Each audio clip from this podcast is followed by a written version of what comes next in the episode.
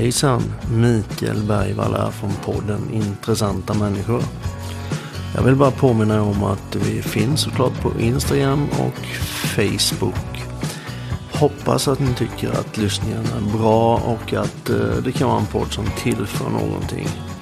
Har ni några åsikter eller tankar eller något annat ni vill bolla så mejla gärna på intressantmanniskagmail.com Ha det så jättebra nu och njut av samtalet.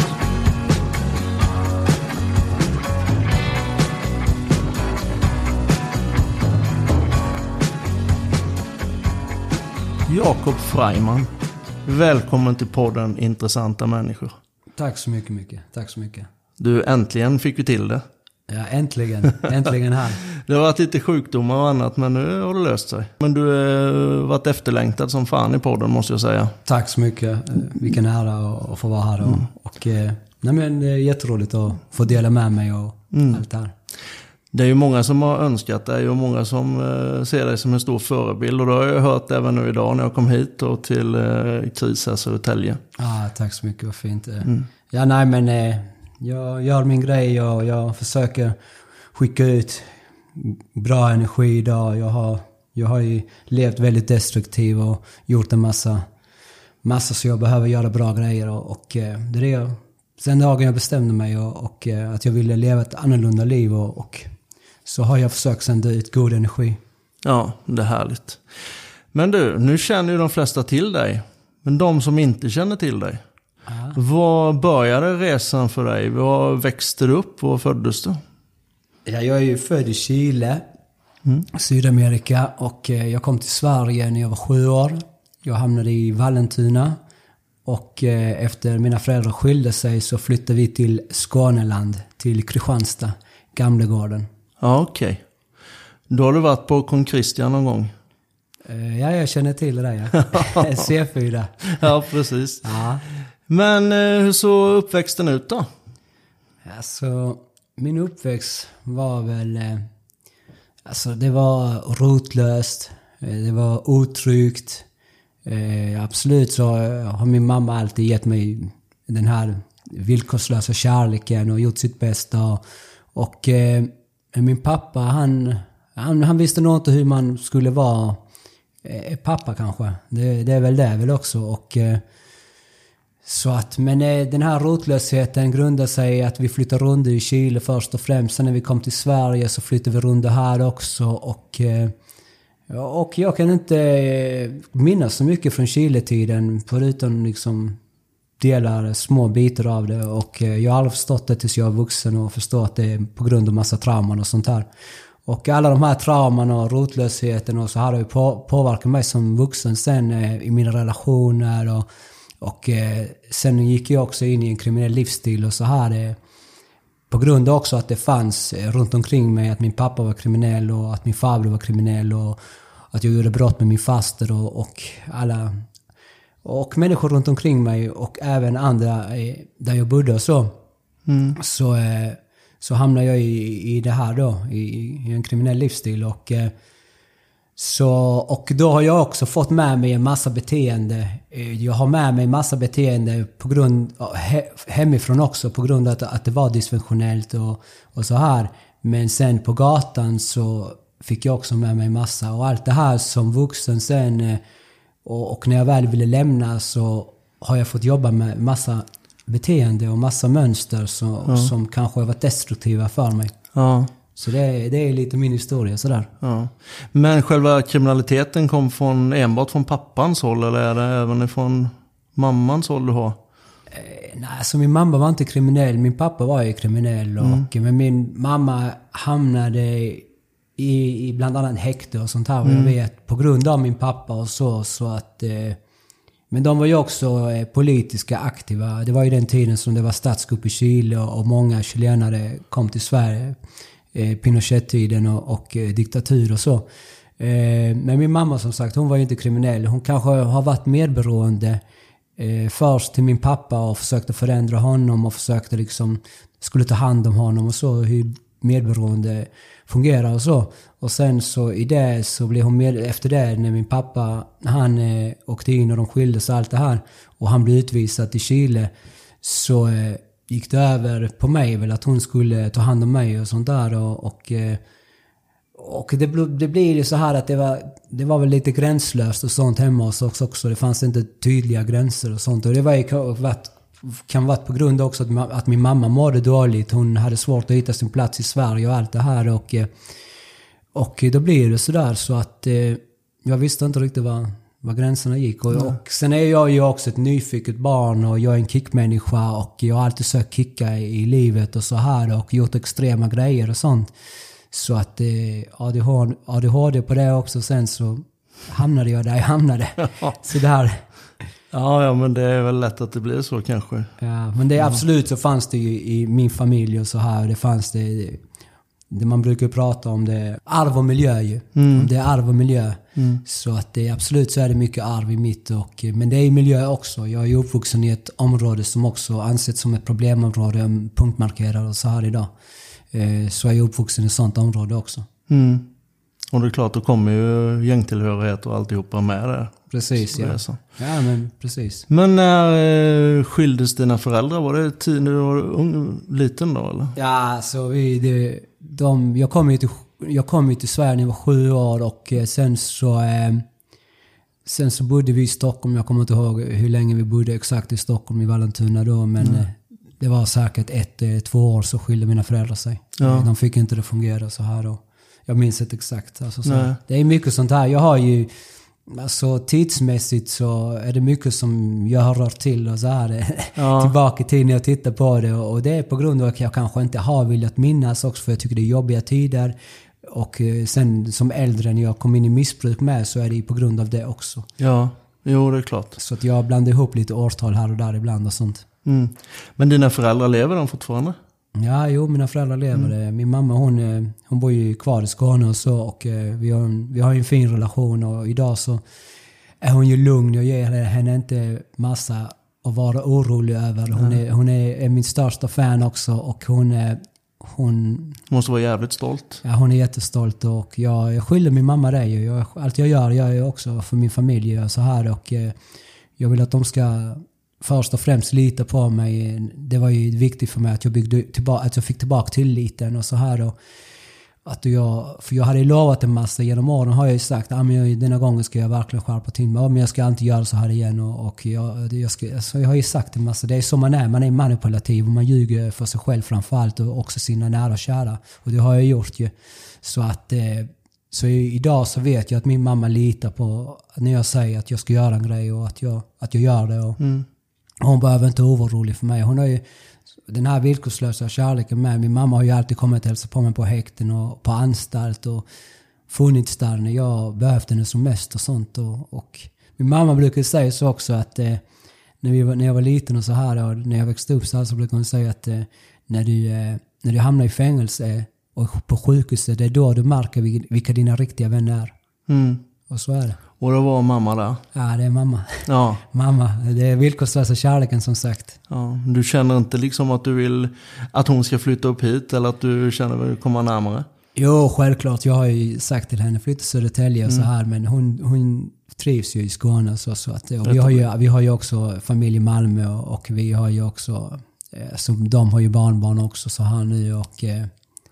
Så att, eh, men jag träffade henne nu. Jag var i Skåne nu för några veckor sedan och fick träffa mamma. Jag har inte träffat henne på två år på grund av epidemin och eh, corona och allt det här. Ja. Så att hon är äldre med så. så att, eh, men nu träffar jag henne och jag fick träffa också min systers dotters barn också. sånt där. Mm. Och för första gången Liam heter han. Och, och jag fick också träffa min systers andra barn och sånt med. Och det var jättefint och, och jättefin reunion på vår familj. Så. Ja, men det förstår jag. Det måste ja. kännas riktigt bra. Ja, det känns jättebra. Det, det är saker som händer också runt i, i, i vårt liv. Så här mm. också. Det, nu är min systers ena barn, han är 16 år, han har, han har fått cancer och det har varit eh, eh det är allvarlig cancer. Sen, mm. sen gick det ut också i blodet så att de har fått byta ut eh, blodet och allt möjligt och så här. Och han, har, han har haft det väldigt tufft och så. Och, och så träffar honom igen och sånt här. Och, Så det var jättefint. Ja. Jag, jag har verkligen bett för honom och jag vill ju att det ska gå bra för honom och så här. Så att det, det har varit en jobbig period för hela vår familj också när, när det händer något sånt här. Ja, det förstår jag. Det är en eh, fruktansvärd sjukdom alltså. Ja, det är det ju. Mm. Det, det, det är jättetragiskt att människor ska... Alltså det, Ja, det är framförallt när unga får det så är det ju för jävligt alltså. ja, det är det. Alltså, Men nu har du någon släkt, eller släkt, säger släkt har du, släkt kvar i Chile? ja, jag har massa kusiner i Chile. Kontakter med dem? Nej, ja, just det. Jag glömde ju berätta om min pappa också. Han Mm. är ju i Chile. Han är, blir ju utvisad till Chile efter han har avtjänat ett fängelsestraff på 13 år för grovt narkotikabrott. Så blir han utvisad, fick livstidsutvisning. Så att... Eh, eh, nej men han har jag inte träffat. Däremot så min farbror, han, eh, han har ju satt på så Facebook och, Mm. och sådär. Via Messenger har, man, har jag pratat med honom lite grann sådär. Och han har fått se också, jag har ju två barn också. Jag har ju två flickor. Och, Ja. och han har fått se, jag förklarar för mina flickor att eh, det här är er farfar och, och Mm. han bor i Chile och sådär. Men, eh, men vi har ingen kontakt och så. Det Nej. känns, jag har ju min familj idag och eh, jag, Du känner dig trygg med den? ja, Liksom. jag känner mig trygg. Ja. Det, är- det är ju saker och ting som, som vi, som kanske, ja men absolut som ligger i mig också. Men jag känner att vår relation,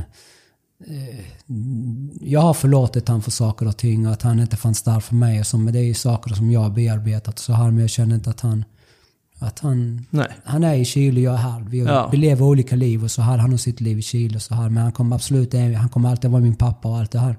Men eh, jag har min familj idag. Ja. Nej, vi behöver inte grotta mer det. det. Det är klart, man tar ju sina beslut utefter om man ska må bra, så är det. Det ska kännas rätt i magen. Ja, nej men och det har ju varit så här också i, i Chile med. Så min pappa han, när han kom ut ifrån fängelset och så här så han blev han utvisad där. Eller när han, Han fick 13 år alltså. är 13 år för grovt narkotikabrott. Mm. Så att när han återvände till Chile så gick han ju in. Han var kanske lugn i, i, några månader väl så här. Men sen så, det enda han kan och, och han har alltid levt. Han har suttit förut också i Chile och, och eh, så han har ju suttit några år i fängelse och sådär. Så att, eh, och det är väl den livsstilen. Jag menar, kan man ingenting annat då återvänder man till det. Och, och, eh, och det var det han gjorde också.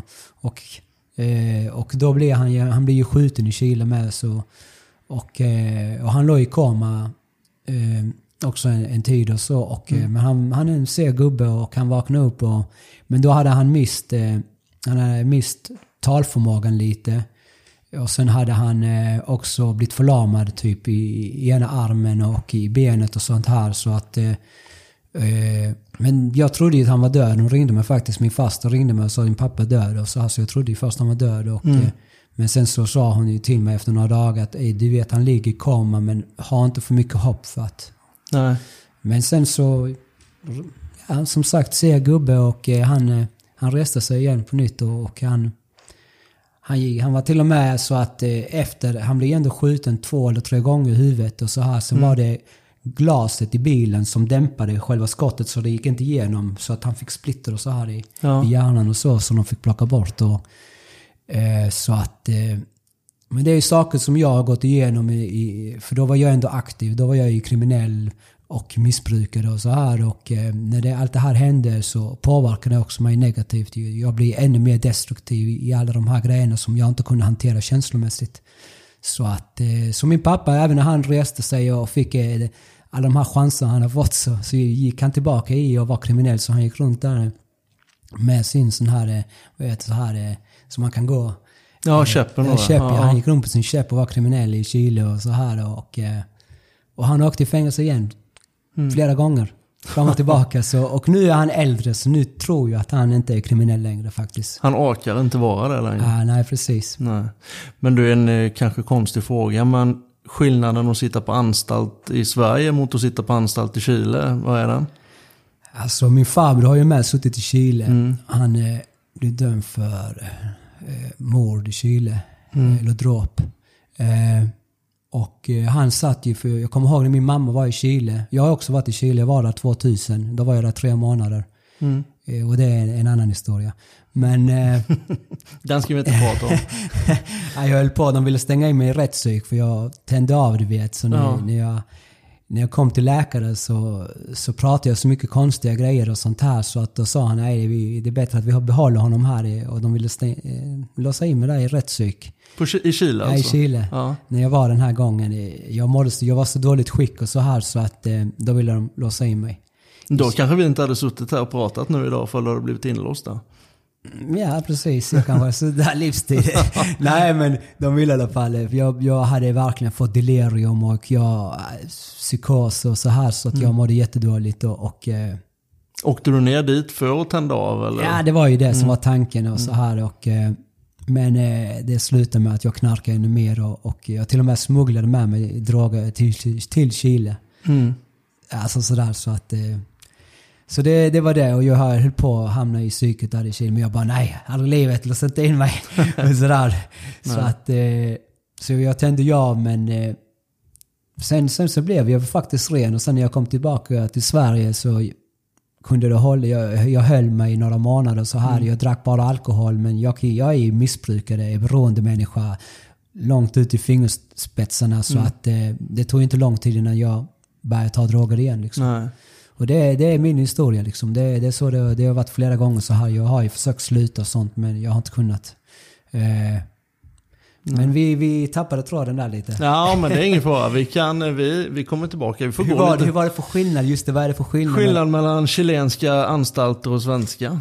Ja, Nej men själva hela samhället i Chile ligger, alltså jag, som jag tänker med Chile så känner, känns det som att eh, det kanske är långt ifrån utvecklingen som har varit i Sverige. Stämmer det eller har jag helt fel? Ja, jo men det är ju så. Där är klyftorna ännu större ju. De som, de som är rika, de har sina egna områden och, och du har vakter runt där. Som är som i USA, du vet. Om Ja. du bor i ett bra område så finns det liksom stängsel runt och sådär. Och så var det i Chile. Jag kommer ihåg det när jag var i Chile. Jag var ju i gettot och sådär.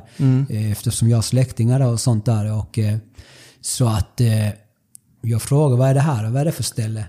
De bara, nej men det är där alla rika bor. Jag bara, oj, är det så? Ja. Så det är, där är klyftorna ännu större. Det, det, det är ju sånt samhälle vi går i Sverige också, där det är mer uppdelat. Där de rika är rikare och de fattiga blir fattigare. Eh, och det är inget bra ju. Mm. Nej, alltså, vi, vi bor ju ändå i Sverige där det varit landet lagom. Så att även de som har det svårt har ändå liksom haft. Ja, så att, eh, jag hoppas ju aldrig att klyftorna blir så pass mycket i Sverige som det är i, i Chile och sånt där och i andra länder. Eh, men det, är- där är det ju fattigt. Jag menar fattigdom, eh, det tar fram det, det värsta ibland i, människor och eh, Ja, ibland så jag såg ju folk, de slogs på gatan helt öppet och, och folk rånade. Jag menar, hade du, gick du till stranden och de såg din väska ligga där så sprang de förbi och tog den och, och från äldre damer och allt möjligt. Ja, man kanske inte har något val. Man måste ha mat för dagen kanske. Precis, och eh, jag menar får de inte av det, du kan inte, mina släktingar så det går inte runt med dina, dina klockor eller dina smycken och sånt där för att får de inte av ringen skär de av det fingret. Och, Så tittar du på min ring. Den kostade 235 kronor tror jag. Den här. Ja, de hade ändå velat ha den. Du vet, alltså, de hade ändå velat ha den. Du vet, så länge det, det, Det blänker det lite. blänker lite, ja, bling bling så, Ja. så vill de ha den. Ja, du jag ska, jag ska, ja. Så ja, det- Jag ska ta med den ifall jag åker till Chile då. Men det är ju så, fattigdomen den är ju mycket större i Chile och så, här, så att det, och, de som är rika, de är rika. Det är Mm. ju så. Men du säger lite där att ja, men om, man, om man tar det här skyddsnätet vi har i Sverige då. För, för det är lite utav det jag försöker förklara med podden också med, med samtalen. att Folk är ju inte alltid medvetna om att alla föds med olika förutsättningar i livet. Precis. Och du har ju precis berättat hur du har haft det då med din farsa exempelvis under uppväxten och så här. Och sen, så det kanske är därför klyftorna är som de är. Precis. Mm. Ja. Men vad tror du liksom är själva nyckeln till att, nu spårar jag ju lite här, men vad tror du är själva nyckeln till, eh, till eh, liksom att få lite mer jämlikhet i samhället? Sen är det ju självklart att det finns de som aldrig vill ta sig för någonting. Men en kille som du som har den här enorma energin och utstrålar den energin som du har, alltså det är ju... Ja. Alltså vad vi, det, vad vi ska, det finns inga lätta svar. Vi Nej, ska, men vi men måste... det är ju arv och miljö liksom som är viktigt. Ja, alltså vi befinner oss nu i en, ett nytt Sverige. Mm. Och det här nya Sverige har aldrig haft dessa problem. Eh, så det är nytt för oss alla på det sättet. Men det är jättemycket vi måste göra ju. Alltså jättemycket. Alltså, Mm. Framförallt jobba förebyggande. För att inte ungdomar ska behöva hamna i ett utanförskap eller välja det här livet, att de tycker det är coolt eller någonting annat. Eller att de känner att det här gör hemma för att jag hör inte hemma någon annanstans. Det är där det blir farligt, när man mm. börjar känna det här utanförskapet. Eh, alltså det, det, är så mycket vi, ja, vi måste göra. Alltså, alltså vi måste först och främst alltså, alltså vi måste vara bra föräldrar till våra barn. Mm. För det är där nyckeln är ju. Alltså vi måste vara bra föräldrar till våra barn. Vi måste ha bra anknytning med mm. våra barn. Alltså, jag vet inte. Alltså, man skulle mena man, man behöver ta körkort. Eh, alltså, man måste övningsköra. Man måste ha... Eh, det kanske man ska ha något sånt liksom. För att mm. bli förälder måste man kanske klara av vissa grejer. Och klarar man inte, då ska man ha hjälp alltså. Ja. Hjälp för att klara av det. Jag vet inte, men jag, jag förstår. Det hade varit bra också om man kanske kunde införa i skolor eller på något sätt och prata om de här anknytning och, och vad, vikten av det när du har, är den åldern att du, du, du liksom, du bygger upp trygga barn. Mm. Jag vet inte. Alltså, Nej, men jag, jag tycker det är jättebra resonemang. Som jag, det är ett påstående från min sida, men som jag känner mig nu, liksom, eller känner och tycker att det verkar vara nu, det är ju det att insatserna kommer ju när man väl har kommit till anstalten. Insta, insatsen kommer, och då kommer den inte knappt då heller. Mm. Men den kommer alldeles för sent liksom. Absolut. Nej, men det, jag tror att det, det, är att vi måste bygga starka barn ju. Mm. Vi måste, de, för att är jag trygg i mig själv så behöver jag inte söka mig till, till sådana här eh, till det här utanförskapet, till Nej. gäng eller till droger. Nej. Jag kan stå på mig och säga ej grabbar, alltså, det här är inget för mig. Och, och eh, alltså, så här, jag behöver inte Nej. röka en joint för att jag är cool eller för att bli accepterad. Eh, jag har fått, jag har blivit sedd hemma, jag har byggt alltså en trygghet. Mm. Så att jag är så trygg i mig själv. Och om jag hamnar snett, då kanske inte jag fastnar där. Nej. För att det är, jag tror att det är lättare att fastna i den där miljön på grund av att du är otrygg. Mm. Och för att du har kanske en, en taskig självbild om dig själv och, och eh, du har kanske eh, allt det här. Det är mm. jätteviktiga faktorer alltså. Du, sa, du pratade förut om det här med din mamma och det här med villkorslös kärlek. Ja. Men är den alltid bra, den villkorslösa kärleken? Eller regler, om hon hade satt de här gränserna för dig? Ja och eh, spikat igen dörren när du kom tillbaka påverkad och sånt. Tror du hade hänt då? Hade det skett, varit någon skillnad? Eh, jo men absolut, det är ju den villkorslösa kärleken. Därför jag sa också, min mamma har gett mig jättemycket kärlek, mm. men hon har också varit medberoende. Mm. Alltså, och jag, därför jag kom in på det här med, som du säger, mm. det här med gränser och sånt, mm. att det var gränslöst och sånt. Men det är det, alltså vi behöver ju, man måste ju sätta gränsen. Sen hur man sätter det. Mm. Eh, alltså, jag kommer från en kultur där också där man slår sina barn och så ju. Så att, mm. eh, eh, och jag vill ju inte slå mina barn. Jag. Och så här så att... Eh, du verkar ju ha en fantastiskt fin familj. Alltså två jättesöta tjejer och, och, och en fru och ni verkar ha det jättebra. Ja, tack så jättemycket. Jag har, och min tjej, hon, eh, min, min flickvän och så här, hon, eh, hon har ju två pojkar med. Mm. Så att, eh, men de är lite äldre och så ju. Så mm. att vi, vi är en lycklig familj och vi, jag har två småtjejer och så här på fem och sex och så har vi de här tonårspojkarna. Mm. Och, så vi är en jättefin familj. Ja jag förstår. Men mina, mina flickor de är jättetrygga. Jag märker ju det. De tar för sig i livet. Och, ja. eh, jag märker också på dagis, jag får jättemycket. Alltså, ah, din dotter hon gör detta och detta, hon leder dem och så här. Mm. Och, eh, så då är de trygga. Liksom. Mm. Man märker på deras sätt att vara. De är inte rädda och så här. Mm. Och då, Hur är du själv som pappa tror du? Jag, vill ju säga att jag är en jättebra pappa, en fantastisk mm. pappa. Men mm. Eh, jag har ju också beteende som... Eh, jag, jag, är, jag är ju trubbad av min miljö med. Jag är ju...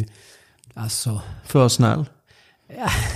Jag tänkte säga att jag... Jag kan tänka mig att du daltar lite med tjejer. Jo, jo, jo, självklart. Jag är så mörd. Vet, äter ni all mat så får ni godis. eh, och, och gärna på julen ska jag köpa jättemycket presenter. Ja, och ja. min tjej kan ju tycka, varför köper du? Du skämmer bort dem och sånt. Ja. Så det, där är, men jag tycker jag är jättebra så här. För att, Man vill ge igen lite också. Ja, jag vill ge det. Har inte jag fått. Och så, här, så att jag skämmer bort dem ganska mycket så med. Och, och jag, men jag, jag har ju också andra liksom, jag har ju också beteende som eh, kanske som jag har fått jobba med och får jobba med hela tiden. Alltså jag är ju, alltså jag är, har empatistörningar och, och, eh, Och, Jag tänkte eh, precis alltså, ta upp det och säga tvärtom. Något som är det viktigaste under själva uppväxten är väl att lära sig empatisk förmåga. Och Jag känner att du har en jätte, med tanke på vad du gör nu då, att du måste ju ha en, besitta en jävla hög empatisk moral alltså. Nej, jo, alltså jag försöker hela tiden. Jag försöker leva alltså, med att vara tacksam och ömjuk till livet och också att vara liksom inte i högmod och, och hela tiden inte tappa det där. Men jag vet ju också med att när mina barn typ till exempel är sjuka eller min flickvän är sjuk, där de behöver den här att jag ska vara där, du vet. Åh, ta hand om dem för de är små ju. Alltså, Ja. så här, även min flickvän, hon är, hon är, då blir hon liten när hon är sjuk ju. Då ska Ja. man dalta, eller så här. Men i min värld alltså, då är det så här, okej, du är inte döende, du blöder inte någonstans, då är det okej. Ja. Förstår du? Det är Ja. empatiskada ju. Alltså, Ja.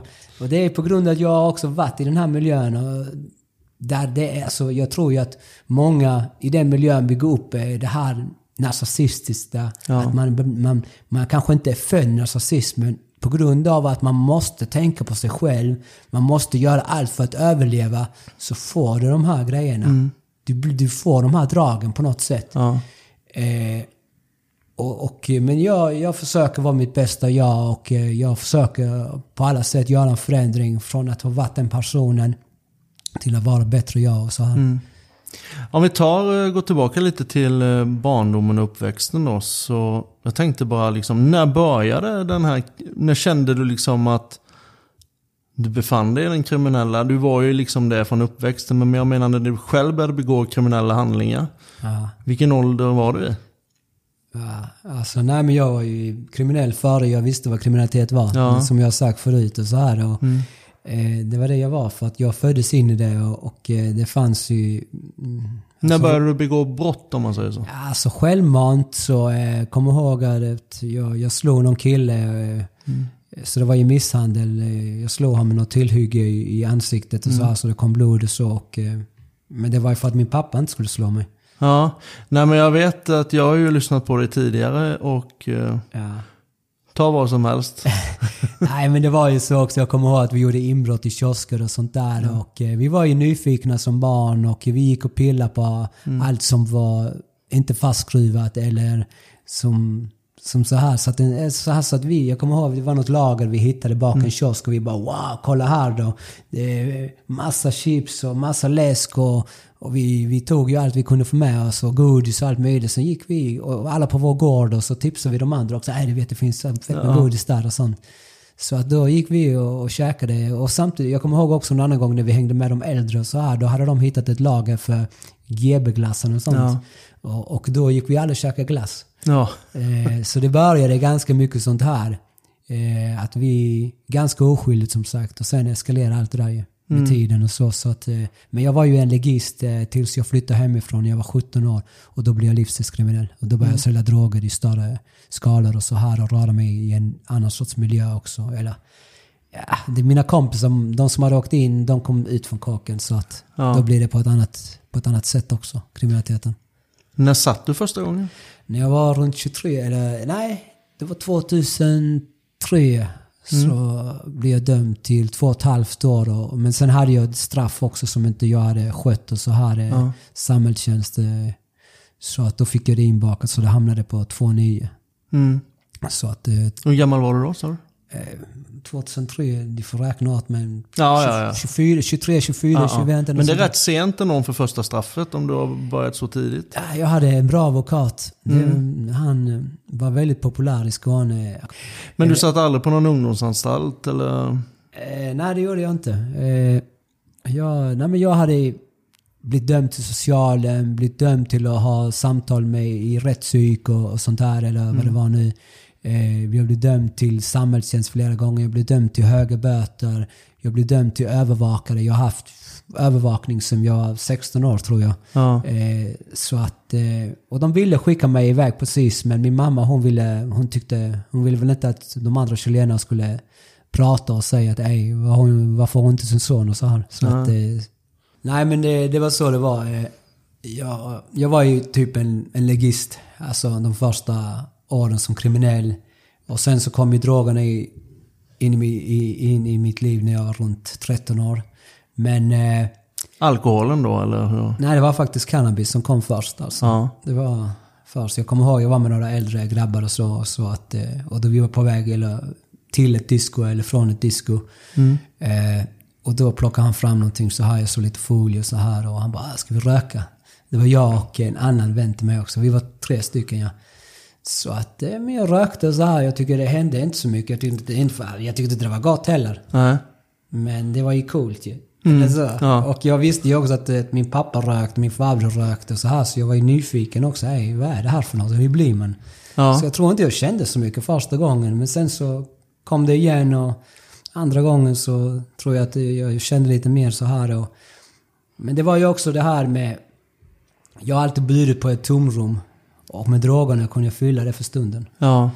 Eh, samma sak med, med saker och ting och så här. Vi var ju ändå fattiga och så här. Jag, jag ville fylla det med saker för att jag kanske inte hade haft någonting. Och jag är, eh, Jag ville gärna köpa fina kläder och sånt fortfarande. Sånt här. Men Ja. jag vet ju också att i slutändan så är inte det som gör mig lycklig. Jag visste ju att jag tycker om att klä mig fint och så här men... det är Jo, men slut- du är, du är ganska pedant med allting. Ja, Som jag sa Absolut, till dig alltså. förut där, jag fick, man fick stå liksom perfekt med foten och det med sig. Precis, precis. Ja. Men jag vet ju, absolut, jag tycker det, det, det, ska, det ska sitta skönt och det ska vara fint och så här. Jag tycker om att vara städad och så här. Men eh, i slutändan så vet jag att det, det är inte materialistiska grejer som gör mig lycklig. Det är ju att mina barn är friska, att min mamma slipper vara orolig, att mina, min syster inte sitter i fängelse, att min farbror är nykter och drogfri och att mina nära och kära är glada och lyckliga. Mm. Det är ju lycka för mig egentligen. Det vet jag ju. Men jag tycker ändå om att köpa en fin jacka. Ja. ja, men det är väl lite grädde på moset. Kan man få allt det andra och sen kunna köpa liksom... Alla säger ju det att man blir inte lyckligare av pengar, men är man rätt trygg och mår bra så är ju pengar ett rätt bra hjälpmedel till att ja, krydda på det hela lite. Så är det ju såklart. Men nu tycker du att jag, jag är en bondlöke från Småland här med ölmage och uh, säckiga kläder. Ja men du är drippy, kolla här går. Är, du, du är stylish. Vad heter det? Men om vi går tillbaka, eller jag måste fråga lite mer om det här med Chile och sitta på anstalt Och i andra länder. och kriminaliteten och den bitarna. Hur, Ja. hur, beskriv lite mer. Ja. Så grejen är att, eh, okej, om du sitter utomlands i Thailand eller du sitter i, i, i Chile och så här. Skillnaden är ju att det är fattigare kanske i dessa, i dessa länder. Det är ju det. Och i USA, att du, där, där är ju, bara San Quentin vet jag ju att, eh, eh, att där är det så många intagna bara på ett fängelse som det är i hela Sverige. Ja. Det är det jag har hört om San Hur Quentin. många sitter i Sverige? 5000? Det är- Jo, men jag, vet jag tror ungefär att det sitter 5000 i Sverige. Ja, det är säkert något som inte, det är i alla fall, det sitter bara så många i, i San Quentin vet jag, kanske inte 5000 men alltså det sitter så jättemycket, alltså det är överfullt. Eh, men det är ju så, det är, där är det ju alltså i, i Chile så är det fattigt. Min pappa satt i Chile och min farbror satt i Chile så jag, jag har förstått. Men, men det är också, det har vi en annan sida också. Om du sitter i ett, ett land som är korrupt och så, som både Thailand och Chile är så så kan du ju köpa in grejer och så här. Du kan lätt få in liksom droger och, och eh, kvinnor och, och eh, mobiler och allt möjligt. För att om du har pengar, men är du fattig så är det, då pratar vi något helt annat ju. Ja. Alltså sådär, och då får du sitta i ett rum med 50 stycken och sånt där. Men i Sverige, visst vi har ju det bra så på det sättet att vi att vi ändå har eh, TV, om du inte sitter med fulla restriktioner och sånt. Eh, där du inte får ha TV när du till exempel sitter häktad och så. Vi har väldigt långa isoleringstid. Det är ett, ett stort problem i, i Sverige och eh, där blir ju Sverige väldigt kritiserad också. Men visst har vi det bra sådär på det sättet att det, det är ändå inte fattigt. Nej. Absolut. Men det här med att sitta i fängelse, det är en känsla. Det är en känsla att du är frihetsberövad. Där du inte får, kan göra vad du vill. Du kan inte ringa din mamma om du efter klockan åtta kanske. Eller bara för att du vill prata, du vill säga något viktigt. Eller du kan inte ringa din flickvän. När du tittar ut genom på sommaren och all, du ser alla folk badar eller alla folk har så roligt. Och, då sitter du, det är en stor mur runt omkring dig. Du kommer ingenstans. Du är ett nummer. De kommer till dig, vårdarna, och säger till dig nu ska du lämna urinprov. Du kanske har precis pissat, du kanske inte är pissnödig. Du säger nej, jag, jag pallar inte. Då får du rapport. Ja. Och du får du kanske bli inslängd i isol. Förstår du? Det, du är, du är en sak. Du, du är ingen person. Du är en sak. Du är frihetsberövad. Det är en känsla. Det är inte vad du har runt omkring dig. Det är inte vad du... Att, förstår du? Ja. Och det, det, och det är det med vissa som säger att Sveriges fängelse är som hotell. Det säger en person som inte har suttit i fängelse. Man vet inte vad de pratar om. Det är inte hotell. Alltså det, det finns eh, eh, en, en känsla alltså atmos, i atmosfären och det är massa människor som är våldsamma. Som är, vissa av dem borde sitta på psyket. Det finns ingen, ingenting i deras ögon. De är helt svarta bara. De har inga känslor. De, alltså, och blanda ihop det här, den här konstellationen med alla de här människorna med diagnoser, lättkränkta barn, dysfunktionella familjeförhållanden, alltså allt möjligt, droger och abstinens och ja, det kommer bli bråk, det blir bråk och sen nej, nu, nu vill inte jag sitta här, jag vill inte sitta här, okej. Nej. tyvärr, du sitter i fängelse, du kan inte välja vem du sitter med. Bara sådär, du, du, du bara gillar läget. Och som du säger, man ska brösta det så här. Och, och det är med folk, vuxna människor som säger det så här. Åh, man daltar med en fånga, man daltar så här. Jag kan förstå att vissa är arga och sånt här på grund av vissa, vissa grejer och sånt där. Men när man säger så här måste man vara väldigt försiktig med. Vi vill ju ha ett annat samhälle. Där ungdomar inte begår sådana här brott, där ungdomar inte går in i den här livsstilen. Då kan vi inte vuxna människor sitta och säga att, att våra svenska fängelser är hotell. Nej. För våra yngre säger då, jag bröstar den. Jag bröstar den. Ja. Och de, men jag kan säga till er också, jag, menar, jag, har suttit, jag har suttit i häktet och så har jag hört människor gråta sig till sömns. Mm. Alltså fast de, eh, det, det är inget ställe som är trevligt eller det är inget hotell. Nej, jag förstår det. Så att, Men häktestiderna och det som du säger, det är väl egentligen de värsta som vi har i Sverige? Och... ja, det är det värsta för du kan sitta häktad så pass länge och det är nedbrytande ju. Mm. Och det har säkert att göra med att det, det är så här man jobbar i Sverige med. För att när man ska köra förhör och sånt sen så är det ett bra sätt att bryta ner och sen så kanske du blir mer arbets eller samarbetsvillig.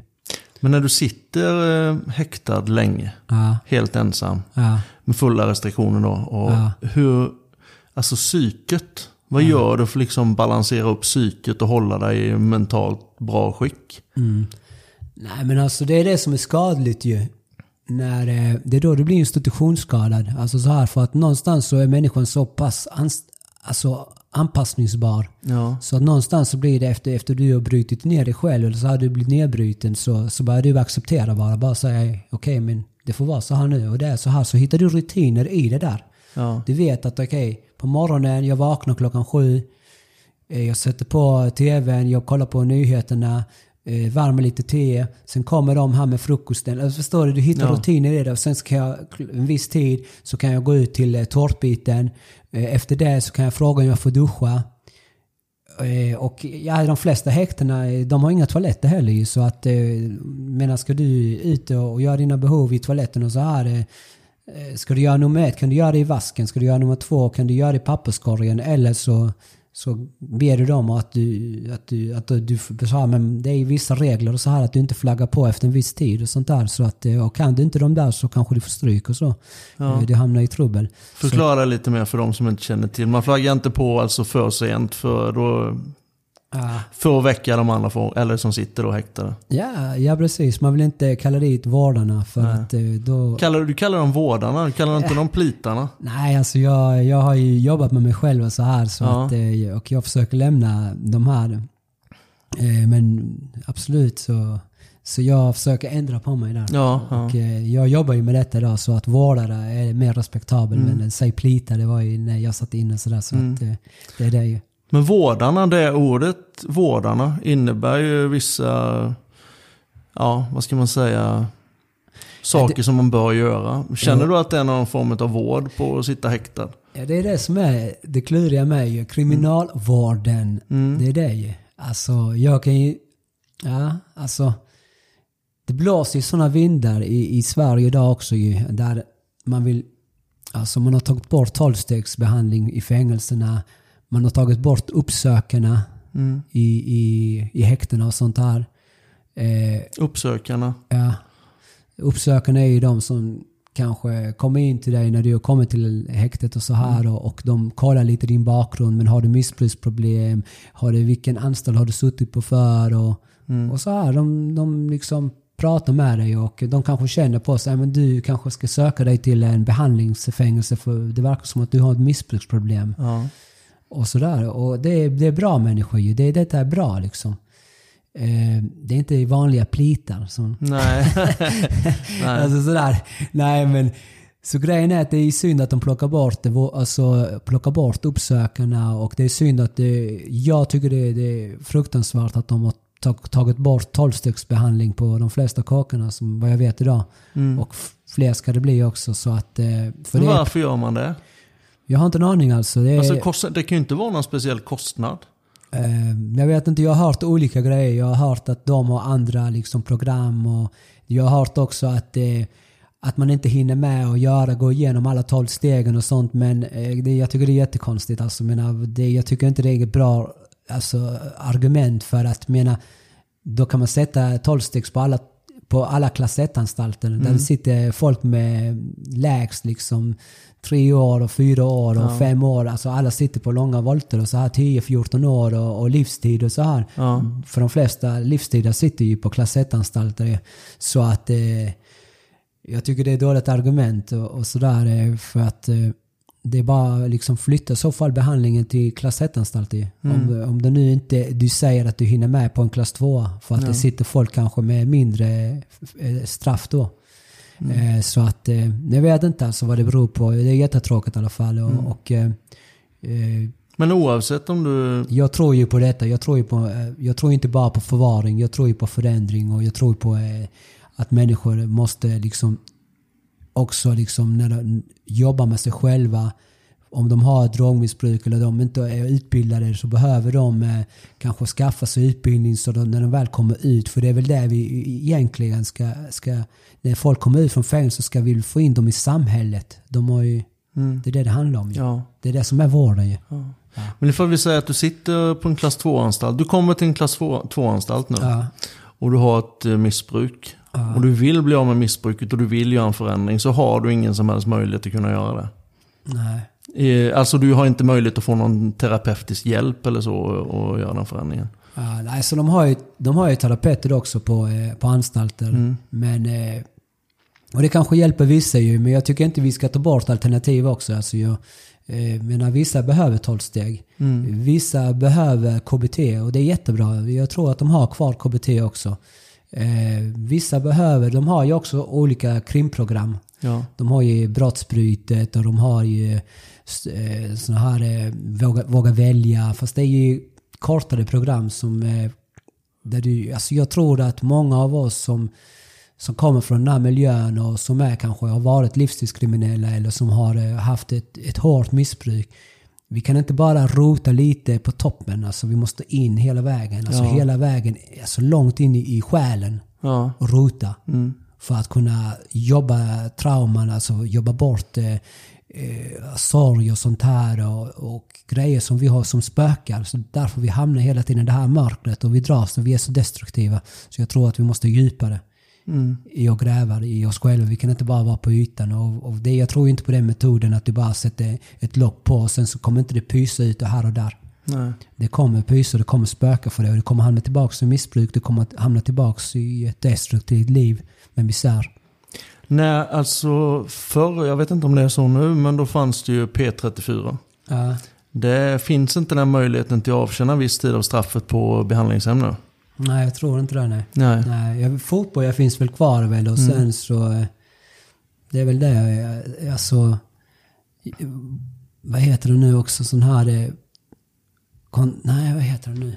Vårvistelse också. Ja. Vårvistelse, det, det fick ju jag. Jag fick vårvistelse på fyra månader. Det var så jag hamnade i Södertälje på behandlingshem i Ronnöje. Ja. ja, men då finns det möjligheten Ja, till att få... vårvistelse ja, heter det. ja. Ja, Okej, okej. Känner du att det hjälpte dig någonting? Är det någonting du väljer frivilligt eller blir du dömd till det?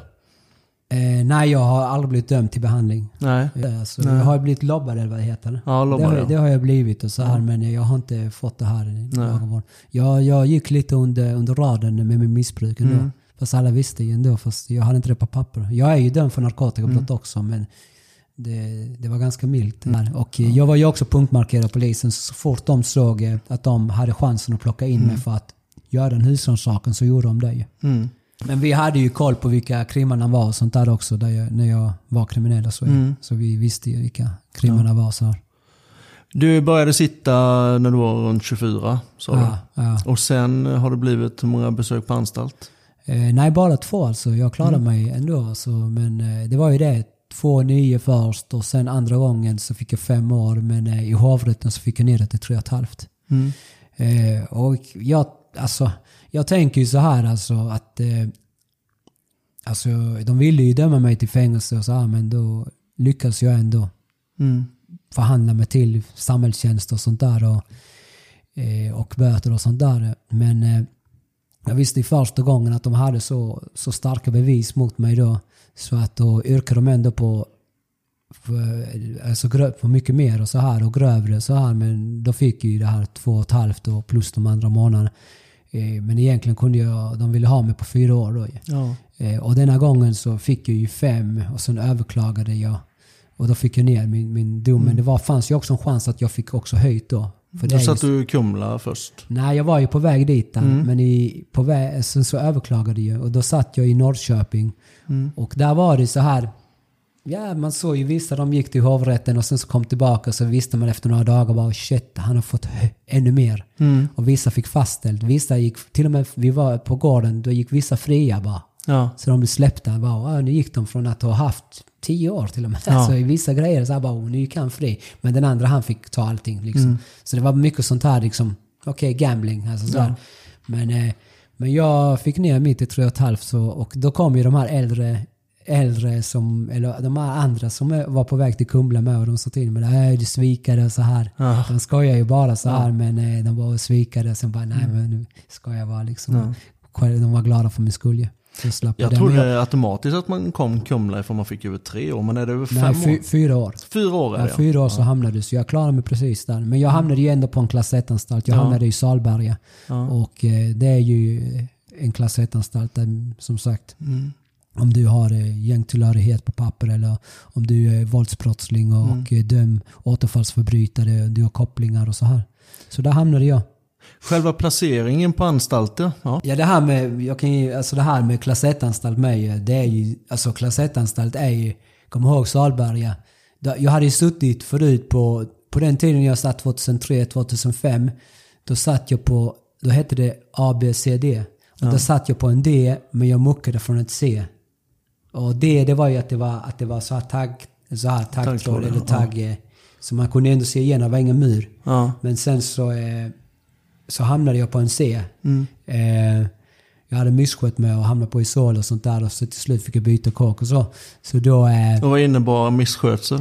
nej, men jag kom tillbaka från, på, eh, från permission och hade druckit alkohol och så. Och, eh, och det var misskötsamhet ju. Och då hamnade jag på Isol några dagar och, och då, då, hade jag, då satt jag på en... eh, Jag kom först kom jag till motivationen och sen på vanlig avdelning. Och sen så eh, jobbade jag mig upp så jag kom till så kallad behandling. Och då var jag på behandling och då kom jag igång med mina permissioner och, och besök och allt möjligt. Eh, och sen misskötte jag mig. Kom tillbaka, de kom på att jag hade druckit alkohol. Jag hade varit ute och slagit och allt möjligt. Alltså, så här, jag hade misskött mig mycket. Alltså. Men jag hade grejer, konflikter ute på gatan med. och Så, så att... Eh, så jag tyckte det var, det var liksom när jag hade permission, det var bra att lösa sådana här grejer och göra Ja. upp lite, göra upp och lite sånt där. Så att, eh, men det var ju också saker jag inte kunde, jag kunde inte liksom, eh, det var känslomässigt, eh, kunde jag inte hantera vissa grejer och då blev jag destruktiv. Och det, det var saker och ting som hade hänt som jag inte kunde hantera och då blev jag destruktiv och drack mig så full så jag kom tillbaka. Och, och det är det, alltså många missbrukare har det här mönstret att de någonstans när de är på väg och, och lyckas, jag, jag hade fått igenom också att jag skulle få eh, fotboja sista tiden, då den, den fängelsestraffet. Ja.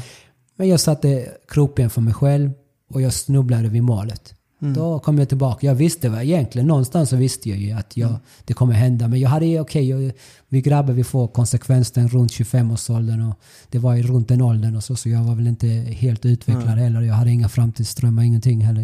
Nej, det var jag tänkte fråga det. Jakob att- Freiman just på den tiden, hade du någon som helst förhoppning om livet då? Nej. Alltså, hade inte? Jag hade inte det. Och, eh, men jag hade, jag ville ju någonstans, jag var trött också när jag kände att hey, det här stressiga livet. Eh, Men jag ville ju fortfarande vara kriminell, jag ville fortfarande umgås med mina gamla vänner och jag ville ändå göra lite affärer vid sidan om. Och det är det, man kan, jag kan ju inte leva två liv och så här. Nej. Det, det, då, då hamnade jag tillbaka. i- Och det var det också jag försökte bryta och skaffa mig ett vanligt jobb och allt det här. Men på grund av att jag inte kunde hantera mina känslor eller jag kunde och jag hade alla de här kriminella tankemönsterna och jag hade alla de här jargongerna med mig så, så hamnade jag tillbaka ju. Ja. Så det var det ju. Så att eh, jag, jag hamnade tillbaka i kriminalitet och, och eh, jag höll mig ute från 2005 till 2010. Då blev jag häktad på nytt. ja. Och sen blev jag dömd till fem år. Mm. Ja. Men då satt du um, ungefär tre och ett halvt år utav dem, eller? Eh, alltså total har jag nog gjort fyra år. Ja, fyra år ja. Ja, ungefär Okej. fyra år så Ja. det har jag gjort ja. Ja. Men eh, jag tycker mina, alltså. Jag kunde ju haft an, alltså, fler fängelsedomar och så här men jag tyckte, alltså, jag ville hålla mig ute. Mm. Jag tycker inte bara för att du har suttit flera gånger och sånt där, så menar, då kanske du borde byta karriär om du åker in gång på gång på gång Mm. på gång. Så att, eh, Jo, men det är som man säger, gör man samma sak så får man samma resultat hela tiden. Ja. Så är det ju. Det gäller ju att bryta det då. Men jag hörde, eller hörde dig berätta någon gång om eh, någon anekdot att eh, Ja, när du, du hette ju Freiman och det var någon ja. vårdare då som du säger som kände igen Freiman efter namnet va? ja precis ja. Som det, var det Norrköping? Ja, det var Norrköping på Drags. Det, det, det är ju egentligen ett fängelse, men sen hade man gjort om den här eh, fängelset till eh, ett öppet häkte. Så då satt jag häktad där och det var den här processen eh, jag hade överklagat. Så att då eh, frågade de mig, du jag känner igen ditt efternamn och så här. Eh, eh, har någon av dina släktingar suttit här och så? Och så tänkte jag, ja, men min farbror säkert. Det är säkert min Ja. farbror. För han har suttit inne också väldigt mycket och så här. Eh, även i Chile som sagt. Ja. Eh, så tänkte jag lite så, ja men det är säkert min farbror. Så jag tror jag frågade, jag hade min morsa på i- antik, intiken då så här. Så jag pratade med henne, jag frågade, äh, vem är det som har suttit, eh, har Ivan suttit där? Hon bara, nej det är din pappa. jag bara, är det så? Sen kommer ju han, eh, sen pratade jag med den här vårdaren igen och jag bara, han bara, du, eh, vi pratade och så här, jag bara, du, eh, den här människan du tänkte på, hette han Dante Freiman? Och det är min pappa ja. Han bara, Ja. jo precis, Dante Freiman hette han. Och han gjorde så här eh, komplett och så, nej, empanadas till. Och empanada, det är så här chilenska piroger. Ja. Och det är typiskt min pappa ju så, så att han, eh, han gjorde empanadas till alla så. så att, men, jag kommer ihåg också så här, och då sa min polare till mig bara shit alltså. Du, för han hörde det här, jag, jag berättade för honom så här. Han var en landsman till mig. Vi, hade, vi satt i, vi delade cell och så här. Ja. Så att, eh, så han sa det, alltså du, eh, så din pappa är med suttit, tänk om han har suttit i den här cellen vi är i Ja. Så jag bara, och då gick det ner för mig, jag bara shit alltså, jag tänker om han har det. Och här sitter jag nu också. Ja. Fan vad misslyckad. Och då kände jag, fan vad sorgligt, fan misslyckad egentligen. Alltså då kände jag med, för då var jag, då, det var denna gången jag satt. För jag antar att du inte ville bli som din pappa?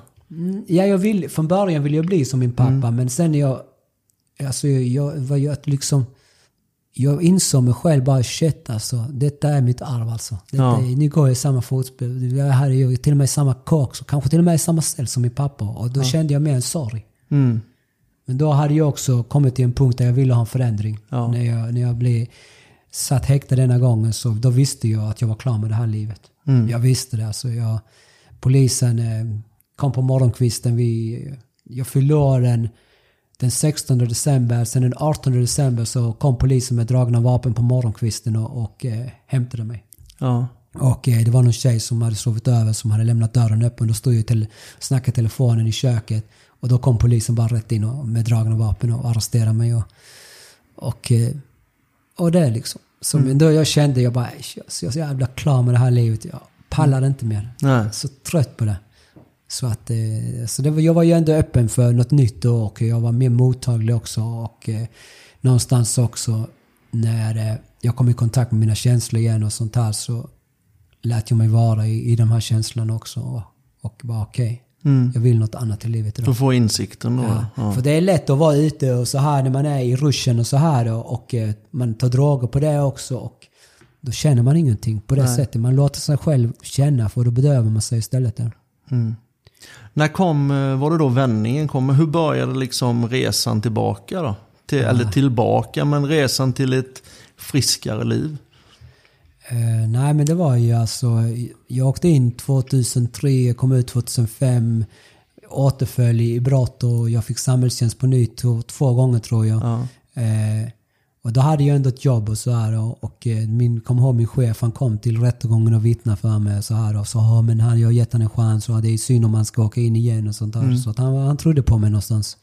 Eh, och då fick då klarade jag mig med samhällstjänst och lite böter och sånt. Men sen 2010 då var det ändå ett allvarligt brott och så mm. här och grovt och så. Och, eh, men då visste jag att jag var klar. Alltså, jag, mm. jag, jag hade ju fått också liksom sett igenom hela det här spelet, eh, den kriminella livsstilen är mm. och så här. Och jag har blivit sviken och jag kände att det, fan också, det kom ifatt med allting det här också. Vad jag hade gjort gentemot min familj och, och mina, eh, alltså min del i saker och ting och sånt här. Och jag bara shit, nej, jag ska göra en förändring nu. Ja. Och då, då klippte jag med allt och alla också då under den vistelsen och fängelse. Ja. Eh, så då fokuserade jag bara på mig själv och min familj och sånt där.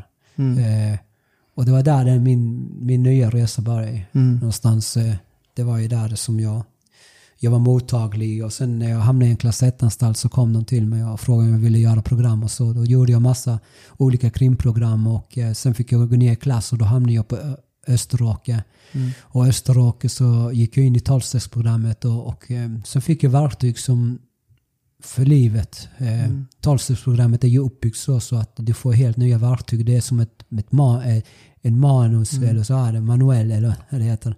Så här för oss. Så att, och då får du du får andliga principer och allt möjligt. Och istället för hat ska du älska. Istället för att vara hämndlös så ska du vara förlåtande. Och, och mm. det, det, där behöver jag ju. Jag behöver ja. tydlighet och så här.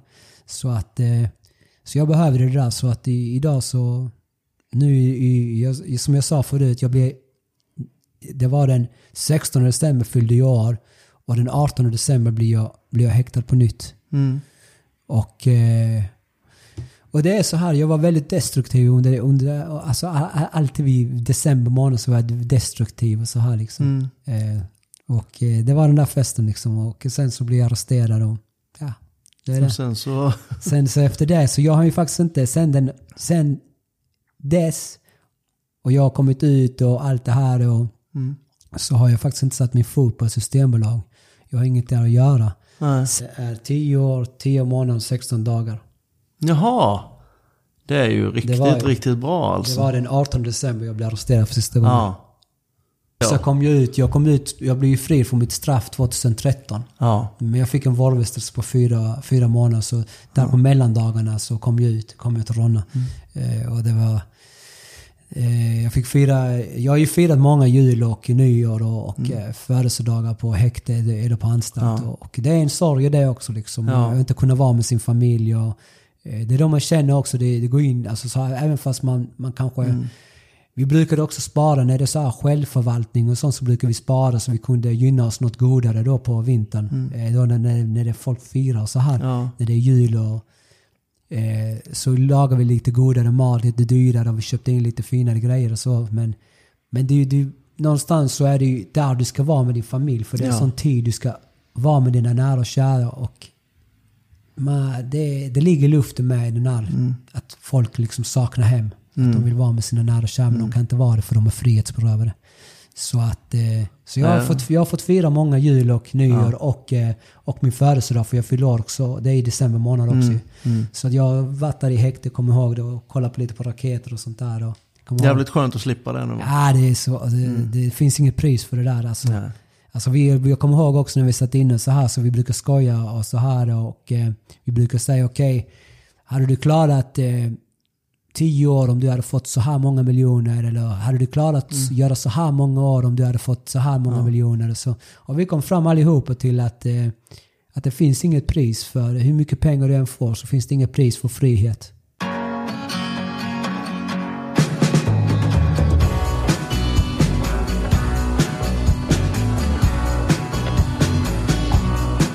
Hejsan! Mikael Bergvall från podden Intressanta människor.